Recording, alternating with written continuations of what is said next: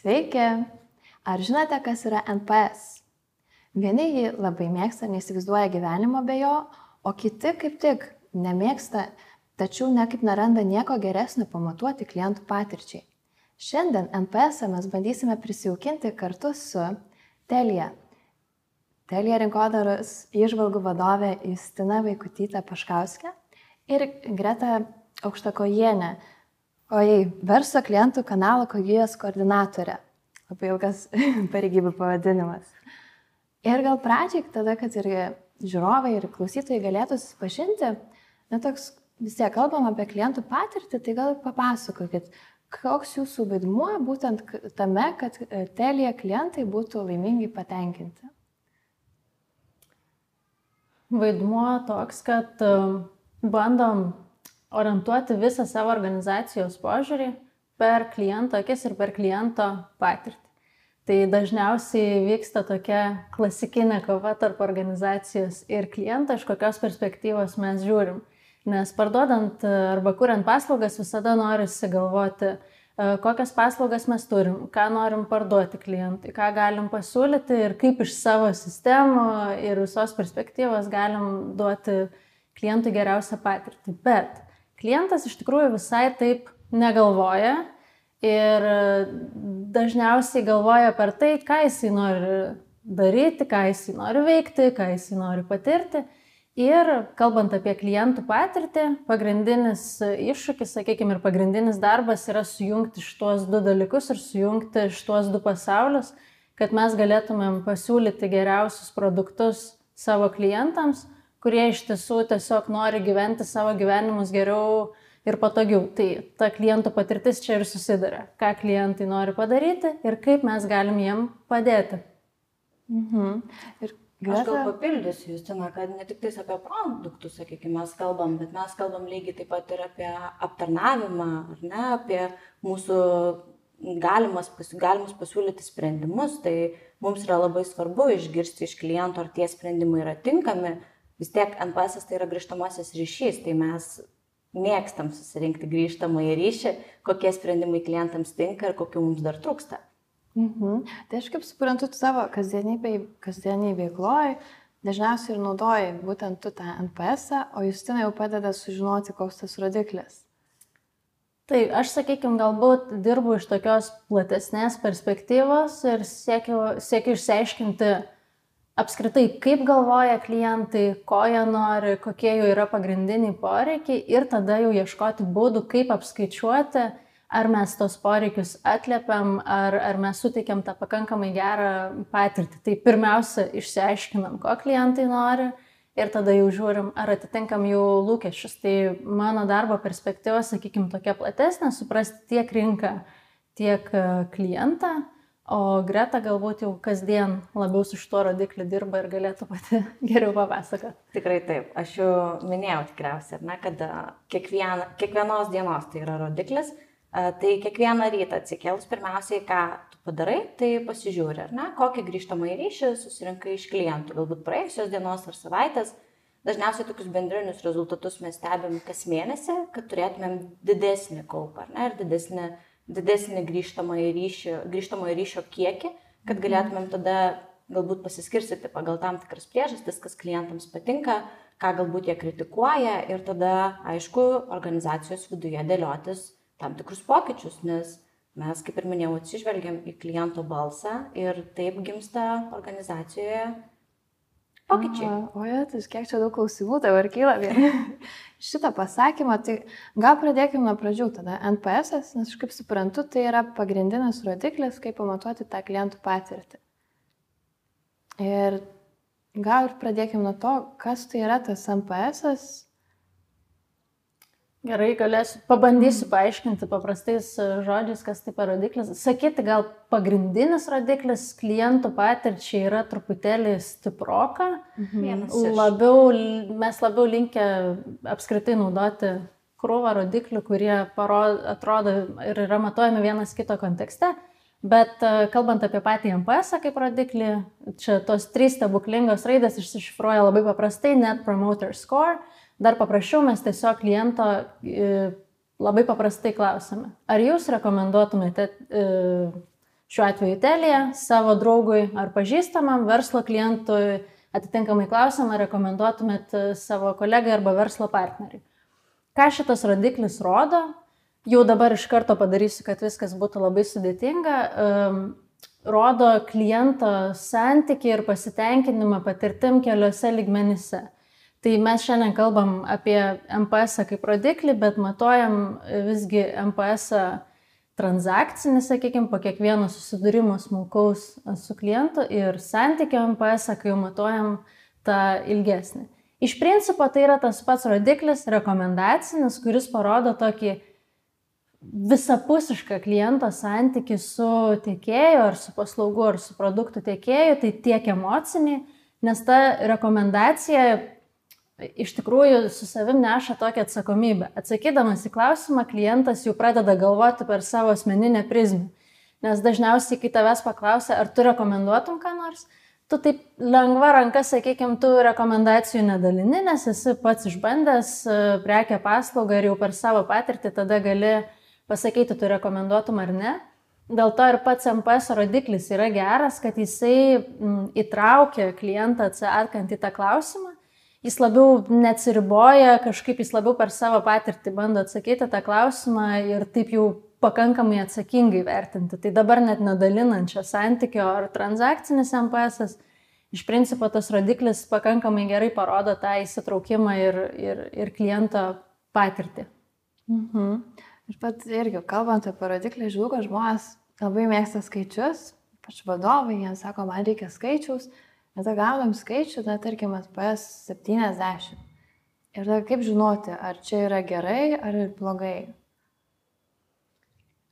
Tai kiekviena organizacija tikriausiai skirtingai, ar ne? Būtent įsivertina savo galimybės, įsivertina, kokį, kokį procentą ar kokį skaičių jie nori turėti ir kokio jie siekia. Ir mhm. viskas priklauso nuo, nuo, nuo klientų iš pradžių sustartuoti galima ir be jokio tikslo, ar ne, tiesiog pasižiūrėti, kaip klientai vertina, turėti tą startą. O vėliau visada galim tiesiog atsižvelgti į dabartinę situaciją ir išsikelti tą norimą rezultatą, kurio ir siekia visus mm -hmm. organizacijos turinčios. Tai girdžiu, kad na, vis tiek reikia lyginti su savim, tik su istorija. Čia kaip ir, kai darai prekės ženklo reklamos stebėjimą ir žiūri, kas buvo anksčiau, ar tu kylė ir leidas. Ir jeigu leidas, tai kodėl.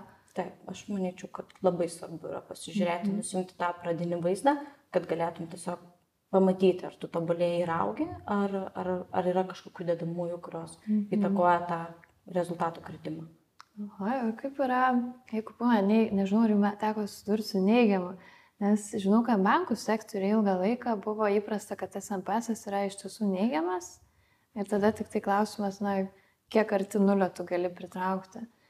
Ir, na, kaip jie neišsigasta, kodėl, bet, na, turi minus 5, tai čia dar ne pasaulio pabaiga, nes kiti bankai e, yra žemiau, tai minus 15, minus 20. Ar jūs irgi tai pasilyginat su kitom įmonėm? Čia platus toksai klausimas, bet kalbant apie patį MPS, tas absoliutus skaičius, ar tai būtų minus 5, ar tai būtų 60, realiai ką MPS parodo, ko yra daugiau. Ar tavo um, mėgėjų, promoterių, nesvarbu kaip mes juos pavadinsim, gerbėjų, kurie tave vertina labai gerai ir teigiamai, tai yra 90, tai reiškia patirtis perfekt, ar yra daugiau tų, kurie gal turi kažkokį neigiamesnę patirtį. Realiai MPS tą ir parodo, tą santyki, kurioj pusėje svarstyklės yra Persvertos. Tai kalbant apie tą skaičių, ar tai yra geras MPS, ar jo bijoti ar nebijoti, tai labai priklauso nuo, uh, nuo įmonės strategijos, nuo klientų patirties strategijos, nuo paties galbūt produkto ar paslaugos, kuris yra vertinamas. Nes dabar įsivaizduokit, paleidom į rinką, tarkim, kažkokią visiškai naują paslaugą, klientai nelabai žino, kaip, kaip ją naudotis, galbūt paleidom į rinką nelabai prasitestavę, patys patirties tos klientų uh, E,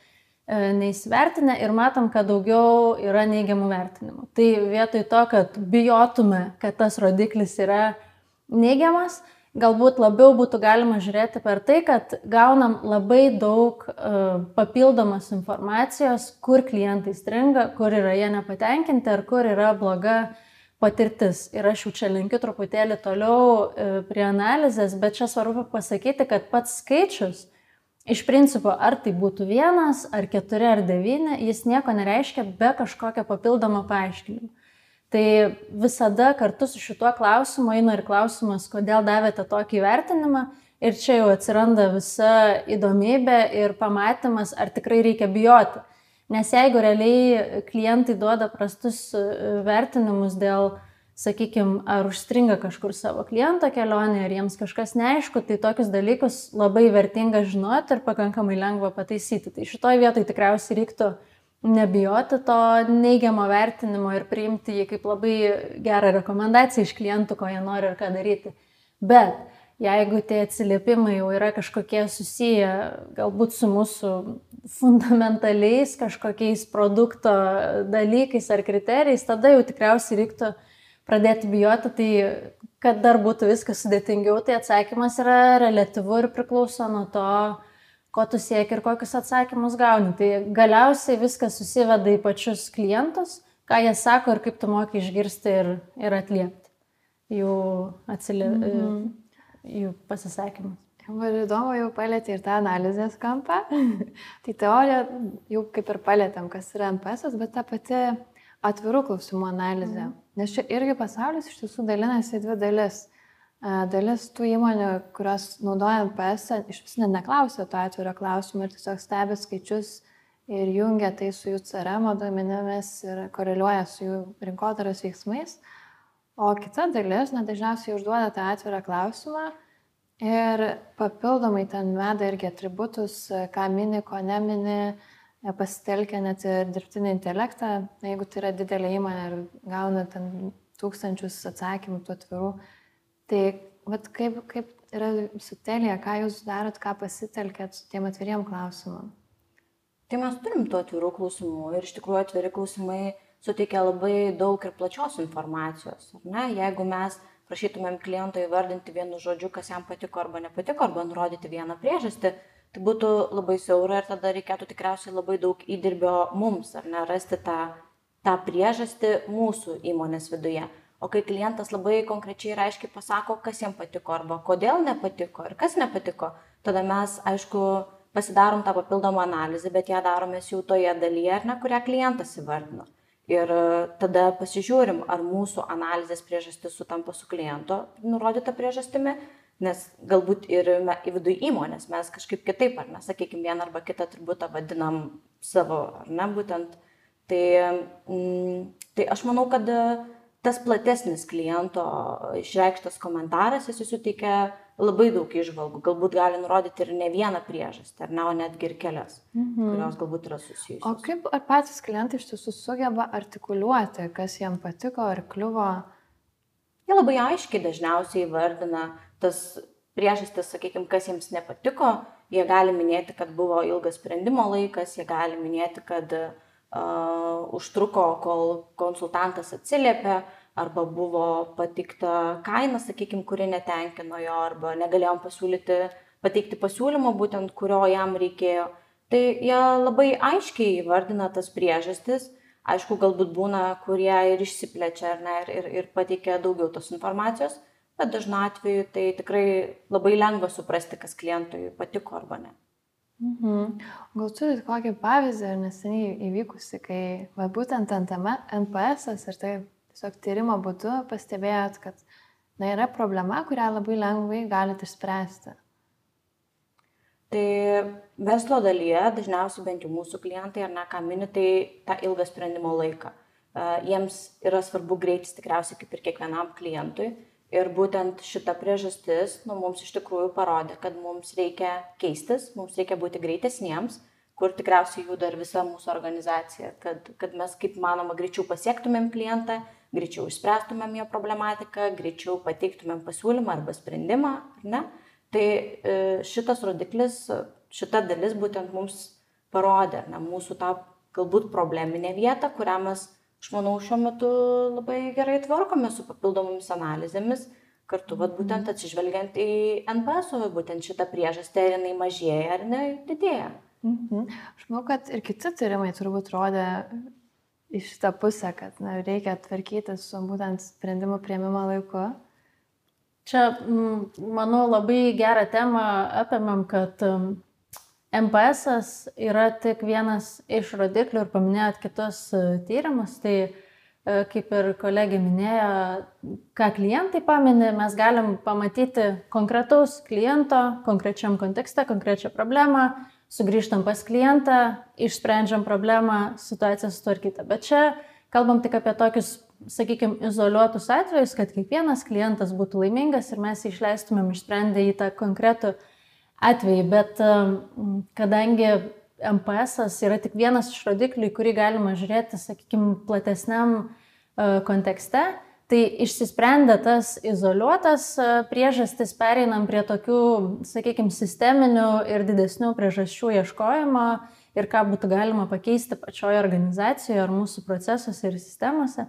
Ir čia jau ateina įdomesni tokie procesai, sakykime, minėjot e, artificial intelligence analizę, tai kadangi mes gaunam iš tikrųjų tūkstančius tų komentarų ir kiekviena priežastis yra analizuojama, bet kad sutrumpintumėm tiek žmonių darbo laiką, tiek galėtumėm greičiau, tiksliau pasidaryti tą analizę, tai pradedam taikyti tiek automatizuotą komentaro analizę, tada sujungę daugiau duomenų turimų apie klientus, iš karto galim pamatyti trendus, kad galbūt klientai su vienu paslaugų krepšeliu nepatenkinti ar patenkinti vienais aspektais, klientai su kitu paslaugų krepšeliu gyvena visai kitam pasaulyje ir visai, e, visai kitą gyvenimą. Tai čia tas, sakykime, žiūrėjimas į tą rodiklį visada konstruojasi kaip tokia piramidė, kur tu pradedi nuo vieno kliento, žiūri, kokia yra jo problemėlė, tada vis dedi daugiau, daugiau duomenų sluoksnių, daugiau, daugiau, sakykime, tyrimų, tiek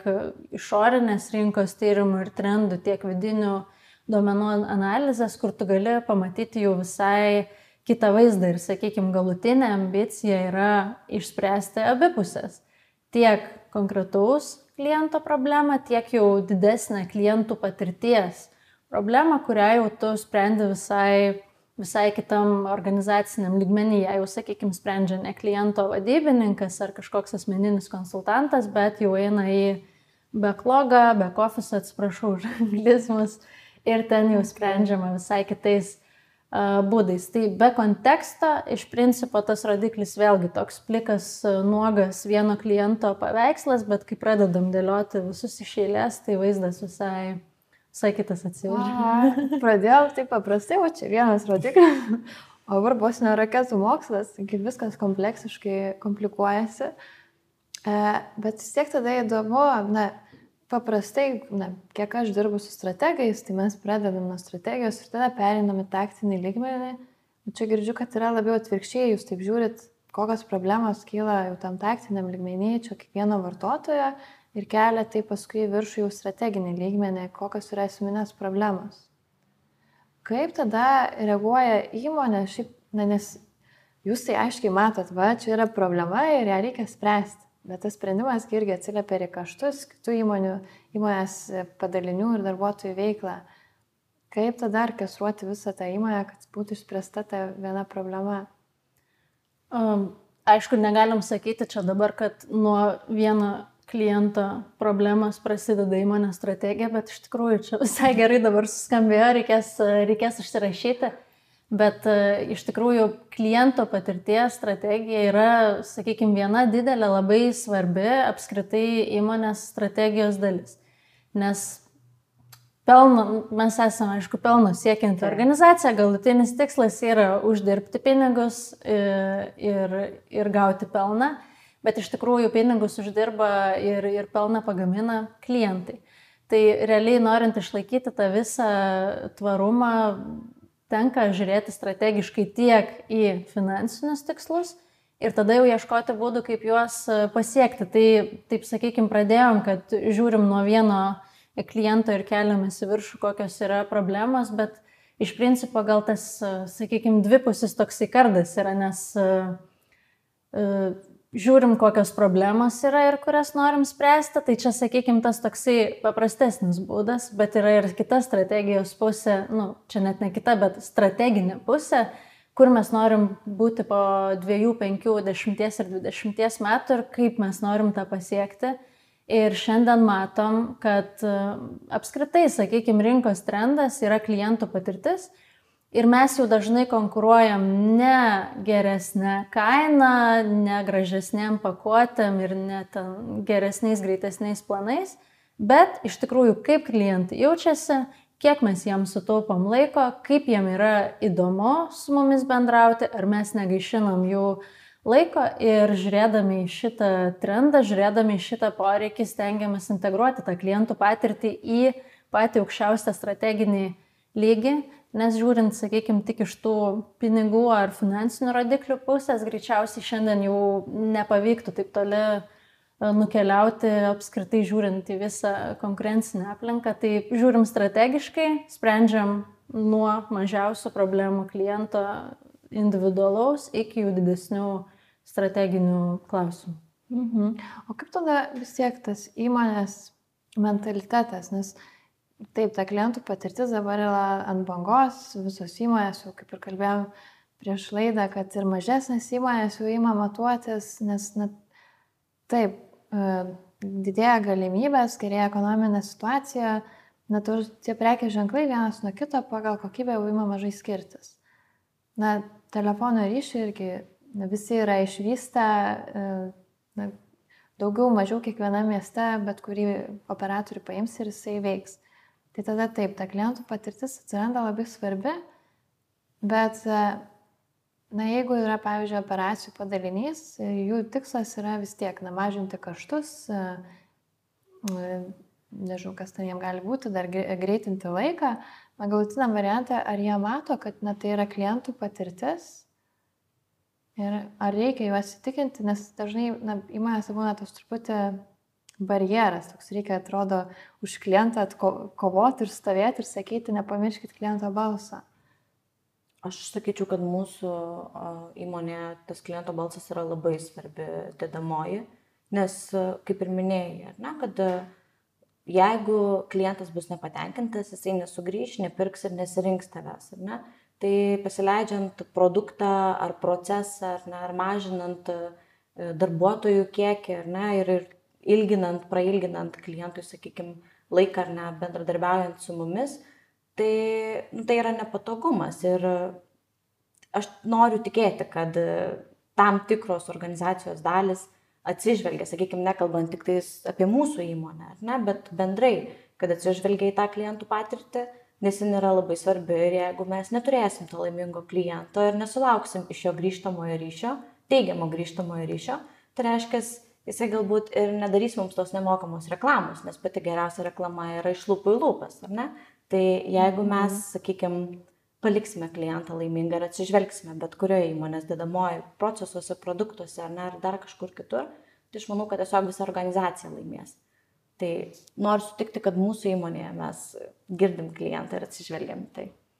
Aš dar galbūt papildyčiau Greta, kad e, su organizacija lengviausia, sakykime, šnekėtis yra skaičiais ir faktais. Taip, mano labai tikrai, mėgstama taip. kalba. Ir kai išsianalizavę rezultatus matom tiesiog, kad laimingesni klientai ar lojalesni ar didesnius įverčius duodantis klientai turi ir didesnius paslaugų krepšelius ir yra linkę būti ilgiau, išleisti daugiau ir kaip minėjo tą word of mouth e, skleisti, tai Galima, aišku, kalbėti kiek nori, tarsi pastorius gali atėjęs sakyti, o aš čia už klientą, ką, ką pasakys klientas, bet iš tikrųjų skaičiai labai aiškiai parodo, labai aiškiai pasako ir įeina į lygiai tą pačią rodiklių kalbą kartu su finansiniais rodikliais, klientų patirties rodikliai taip pat gulasi į tas pačias lenteles ir nėra kažkokie mažiau ar labiau, labiau svarbus. Tai aišku, patį mąstymą organizacijos visada reikia, reikia priminti, reikia vystyti patogius įrankius e, patiem darbuotojam, kurie kūrė produktus arba aptarnauja klientus, kad e, ta klientų patirtis netaptų jiems patiems kaip kažkoks sunkus darbas ar sunkus dalykas. Tai tiesiog čia susideda iš daugybės dalykų, bet faktai, skaičiai patogus įrankiai ir nuolatinis bendravimas įmonės viduje labai aiškiai sudėlioja ir labai aiškiai parodo, kad ta klientų patirtis visgi nėra kažkur antroje, trečioje ar penktoje vietoje. Tai Aha. skaičiai ir faktai. O čia priminė, va kaip tik neseniai skaičiau, kaip e, Latino Amerikos kažkurios oro linijos pradėjo naudoti MPS būtent įsivertinti, kurią iniciatyvą jam vykdyti. Jie monetizuoja. Na, vietoj tų ne tik įvertina išlaidas, bet ir maždaug, jeigu padarysim šitą pokytį, kaip keisis MPS. -as. Ir kai tu renkėsi iš kelių iniciatyvų, tai pasižiūri, tiesiog suvedė irgi ten, turi tą sistemą, dashboardai, suvedė, kiek, ką nori padaryti, kaip pasikeis MPS ir tada tiesiog išmeta kaštus, kiek tu laimėsi, kiek prarasi. Tai man atrodo taip, kai akivaizdžiai matai, kad va čia galiu laimėti tiek, arba na, gali ne tik netekti. Tai gali ne tik vystyti, na, ne, gali ne tik spręsti problemas, bet ir na, kuri naujovė ir žiūri, čia apsimokės ar ne. Tai pasitelkia ne tik finansus, bet ir na, klientų patirties vertinimą. Ir net taip jaučiu tą labai aiškę skaičių kalbą ir nematosi, telija orientuota į klientą, iš tikrųjų daug kalba apie tą klientų patirtį, e, verslo rezultatai turi būti svarbus, Tada ir prisimenu ir Jeff Bezos, na, jis Amazon įkurėjas, jis visą laiką, bent jau yra toks mitas ar legenda, kad jis visą laiką pastatydavo susitikimuose tušę kėdę ir sakydavo, čia mūsų klientas, kad jo nepamirštų. tai toks kokybinis parametras. A, tai čia gal labiau klausimas, tai Justinai, nes vis tiek ir pati, kiek dirbu su vartotojų tyrimais, vadovai turi vieną įsivaizdavimą, kaip atrodo klientų patirtis ir kartais jie neišgirsta ar nenori išgirsti, nors mato skaičių, ieško kitų priežasčių, na, nepriema, kad čia kažką darau ne taip. Ar tenka taip, ar, ar tenka susturti ir pakovoti ir pabūti to kliento atstovu savo įmonės viduje? Trumpas atsakymas taip, tikrai tenka.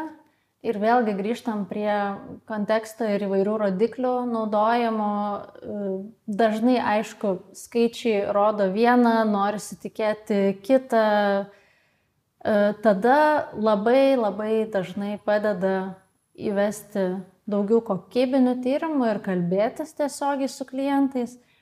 Ir manau, nėra jokio geresnio pasakymo, jokio geresnio parodymo, nei tiesiog interviu su klientais, pokalbiai su klientais, fokus grupės su klientais, kur tiesiog jam duodi išbandyti produktą arba patirtį ir jie tiesiog sėdi, diskutuoja, komentuoja savo patirtį ir tada tikriausiai nebereikia jokių kažkokių papildomų argumentų, viskas yra kaip ant, kaip ant delno, kur yra barjerai, kur yra galimybės ir, ir panašiai. Tai vėlgi, turėdami tą MPS, turėdami atvirus atsiliepimus, jeigu dar trūksta informacijos, vis tiek galiausiai vienas geriausių šaltinių, aišku, reikalaujantis nemažai resursų ir įsitraukimo ir tikėjimo iš, iš pačių vadovų ar iš produktų kuriejų, bet vėlgi dažniausiai vienas tokių mėgstamesnių ir įdomesnių būdų įtikinti arba patiem, gal netgi sakyčiau, patikėti. Nes kartais um, verdant um, įmonės viduje, žinant visus procesus, kaip čia viskas vyksta, kaip atrodo, tu tiesiog pamiršti apsiauti tuos kliento batus ir pasižiūrėti, kaip iš tikrųjų veikia šitie, šitie dalykai, tai visada labai vertinga yra tiesiog pasiklausti ir pažiūrėti. Tai tas įtikinėjimas galbūt būtų per stiprus žodis, labiau toksai visapusiškas suvokimas ir supratimas priežasčių, nes dažnai žiūrėdamas į plikus skaičius gali susidaryti tokias labai paprastas e, prielaidas arba labai paprastas priežastis ir įsivaizduoti, kad klientas yra toksai robotas, jisai ateina, nori tik tai taip ar kitaip ir nematai niuansų. Tai visada labai patinka įdėti tų tokių niuansų ir kad tik viskas būtų komplikuočiau, nes kuo daugiau spalvų, tuo mums patiems paskui lengviau tos įdomesnius ir labiau įtraukiančius produktus uh, kurti. Tai kad labiau viskas būtų dar komplikuota. Atrodo, tu mėgsi raketų mokslą. Ne, ne tai, kad raketų mokslą, bet e, labai įdomu yra visada neužsidaryti kažkokias tik taip ir ne kitaip dėžutės, nes, nu, tiek mes patys e, turim labai daug niuansų, labai daug paslaugų, labai viskas sudėtinga, bet klientai irgi turi labai skirtingus poreikius, kuriuos e, pakankamai sudėtinga suprasti ir atliepti. Tai tikrai stengiamės nebijoti tų niuansų ir kompleksikos, nes viską super supaprastinus galim užsidaryti dėžutės, nors Šitoj vietoje man labai padeda automatizacija, struktūravimas, duomenų susidėliojimas, nes e, sudėtingus dalykus visgi reikia struktūruotis, tai aš dabar jau padedu pati savo prieštarauti, bet ieškom būdų, kaip struktūruotai pateikti tą visą sudėtingumą, neužsimerkti jam, bet stengtis, sakykime, paprastinti ne savo paslaugas ar procesus, bet klientam gyvenimus. Mhm. Čia toks galutinis tikslas, mes dabar kažkur vidury, sakykime, esame. Man atrodo, čia tobulumų ribų niekada nebus. Bet čia irgi įdomus kampas, na taip, kalbėjom apie tai, kad yra ne vienas rodiklis, yra daugiau tie mm, kokybiniai papildomi tyrimai ir man atrodo, Greta ir pati vaikštai klientų batais ir bandai suprasti, kur Stengiuosi. ten kas. Kokie yra, na, jeigu taip apibendrinant bendrai, kokie yra pagrindiniai reikalavimai, kad, na, jeigu naudoja NPS, kad jį išnaudosi teisingai, na, tikrai jį išnaudosi ir kad jis atneš naudą būtent verslui. Reikalavimai, ar ne? Mhm. Na, tai yra, ar ten kokia prielaidos, pavyzdžiui, segmentacija tinkama turi būti, ar vadovų įsitraukimas.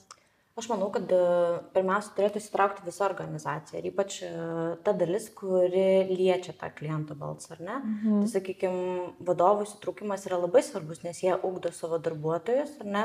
Bet ir kitos organizacijos dalys, sakykime, procesai, produktistai, ar ne, komercija irgi lygiai taip pat yra įtraukiami, nes klientas gali kalbėti ne tik tais apie darbuotojo elgesį kažkokį, klientas gali išsakyti ir produkto identifikuotą trūkumą ir procese identifikuotą spragą, ar ne? Tai e, tas grįžtamasis ryšys iš kliento vis tiek e, nėra orientuotas į vieną organizacijos dalį, tai dažniausiai susideda iš kelių padalinių, skyrių arba, nežinau, asmenų, ar ne, kurie gali daryti įtaką kliento, kliento vertinimui, ar ne, mūsų iš kliento gautam vertinimui. Tai Aš manau, kad NPS jisai suteikė grįžtamą į ryšį ne tik tais tam darbuotojui, kuris pardavė paslaugą, aptarnavo ar ne, bet suteikė, kaip ir minėjau, visai organizacijai. Ir mes kiekvienas galim pasimti, ką galim patobulinti, ar ne, kad turėtumėm geresnę patirtį ir didesnius pardavimus. Mhm.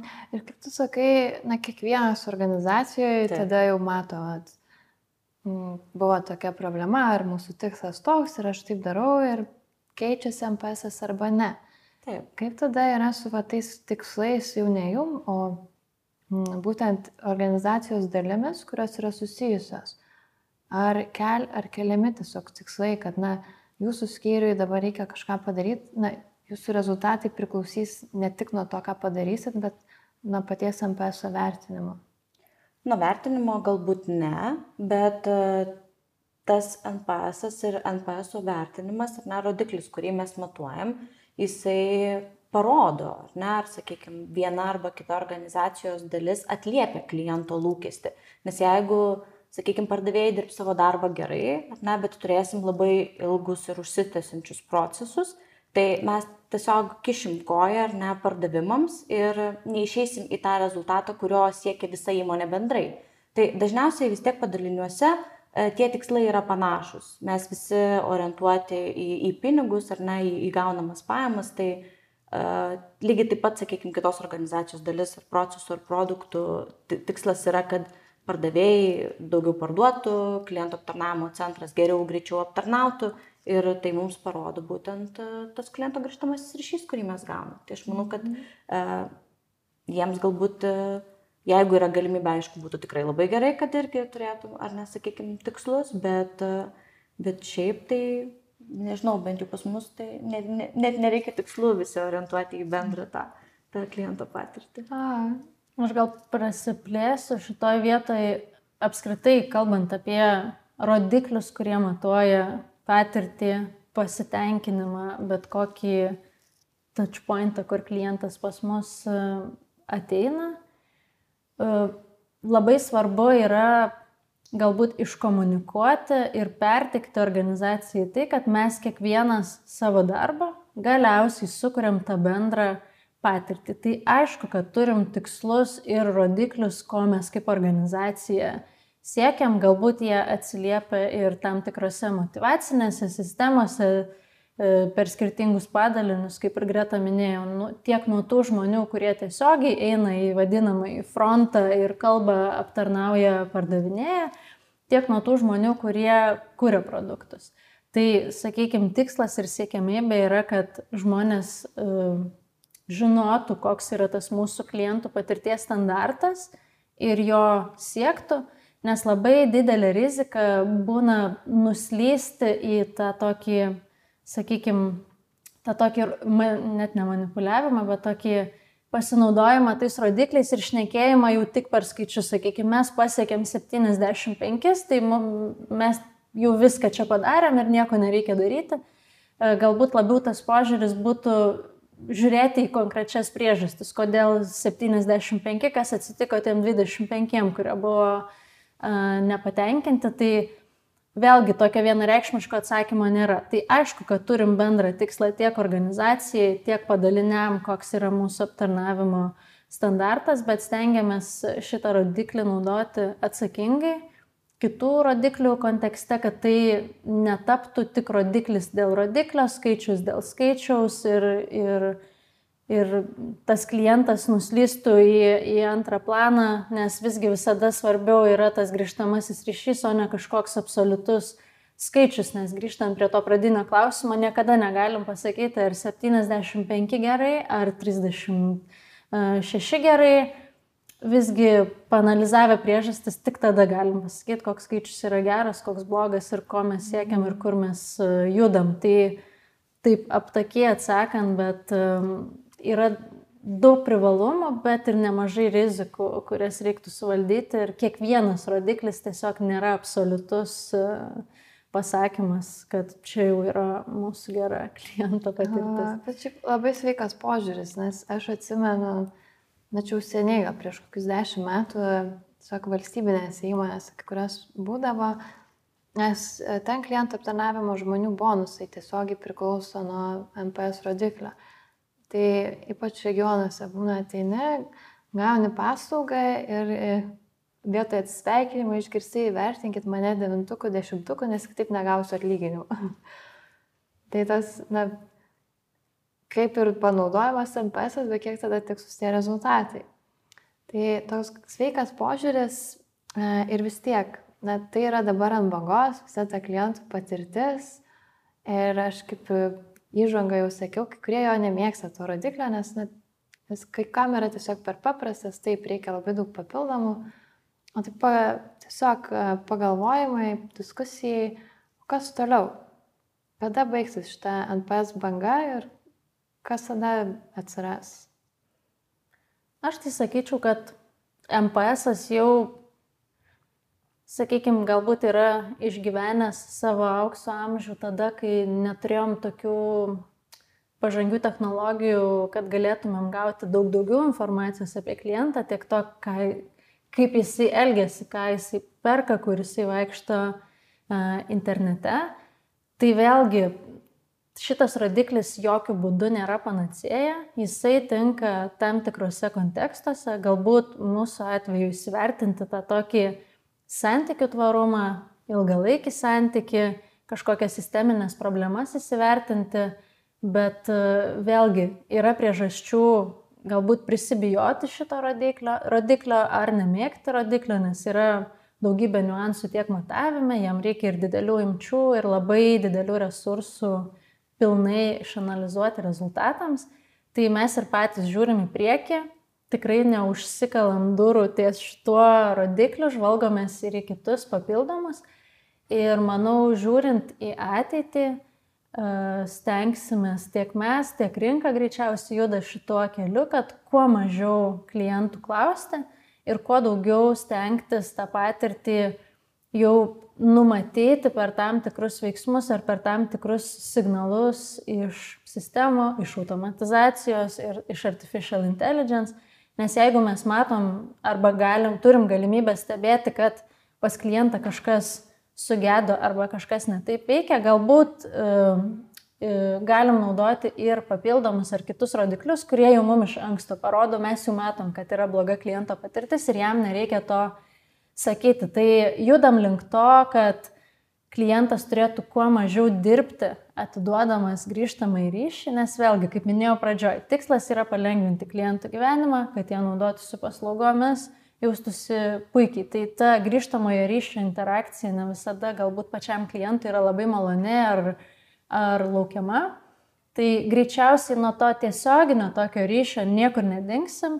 Visada norisi išgirsti, ką konkrečiai klientas galvoja, kaip jisai galvoja, bet visgi norim, kad klientai iš toj pusėje ir kuo mažiau dirbtų, duodami tą grįžtamą į e, ryšį. Tai vėlgi, MPS tikriausiai dar ilgai nemirs, bet e, po truputėlį jis yra papildomas arba pakeičiamas tokių jau sofistikuotesnių e, indikatorių. Tai nežiūrim tai kaip į vienintelį panacėją ar vienintelį teisingą, tikrai yra kontekstų, kuris galbūt mažiau tinkamas.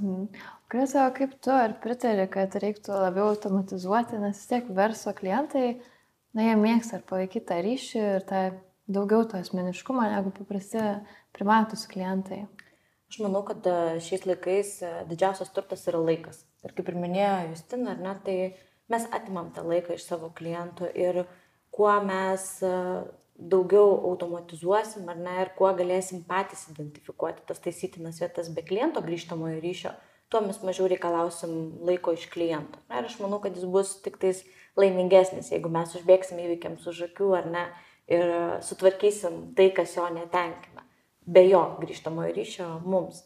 Tai aš manau, kad automatizuoti tikrai reikia, nes uh, mes naudojam resursą, mes naudojam kliento resursą, ne, ir galbūt, sakykime, ilgainiui tai gali pradėti klientą erzinti, ne, kad mes vis sugrįžtam, vis paklausim, uh, E, tai vat labai gerai jūs ten ir pasakė, kad mes turime įdėti labai didelį indėlį patys, kad e, galėtumėm ir gebėtumėm identifikuoti iš vidinių.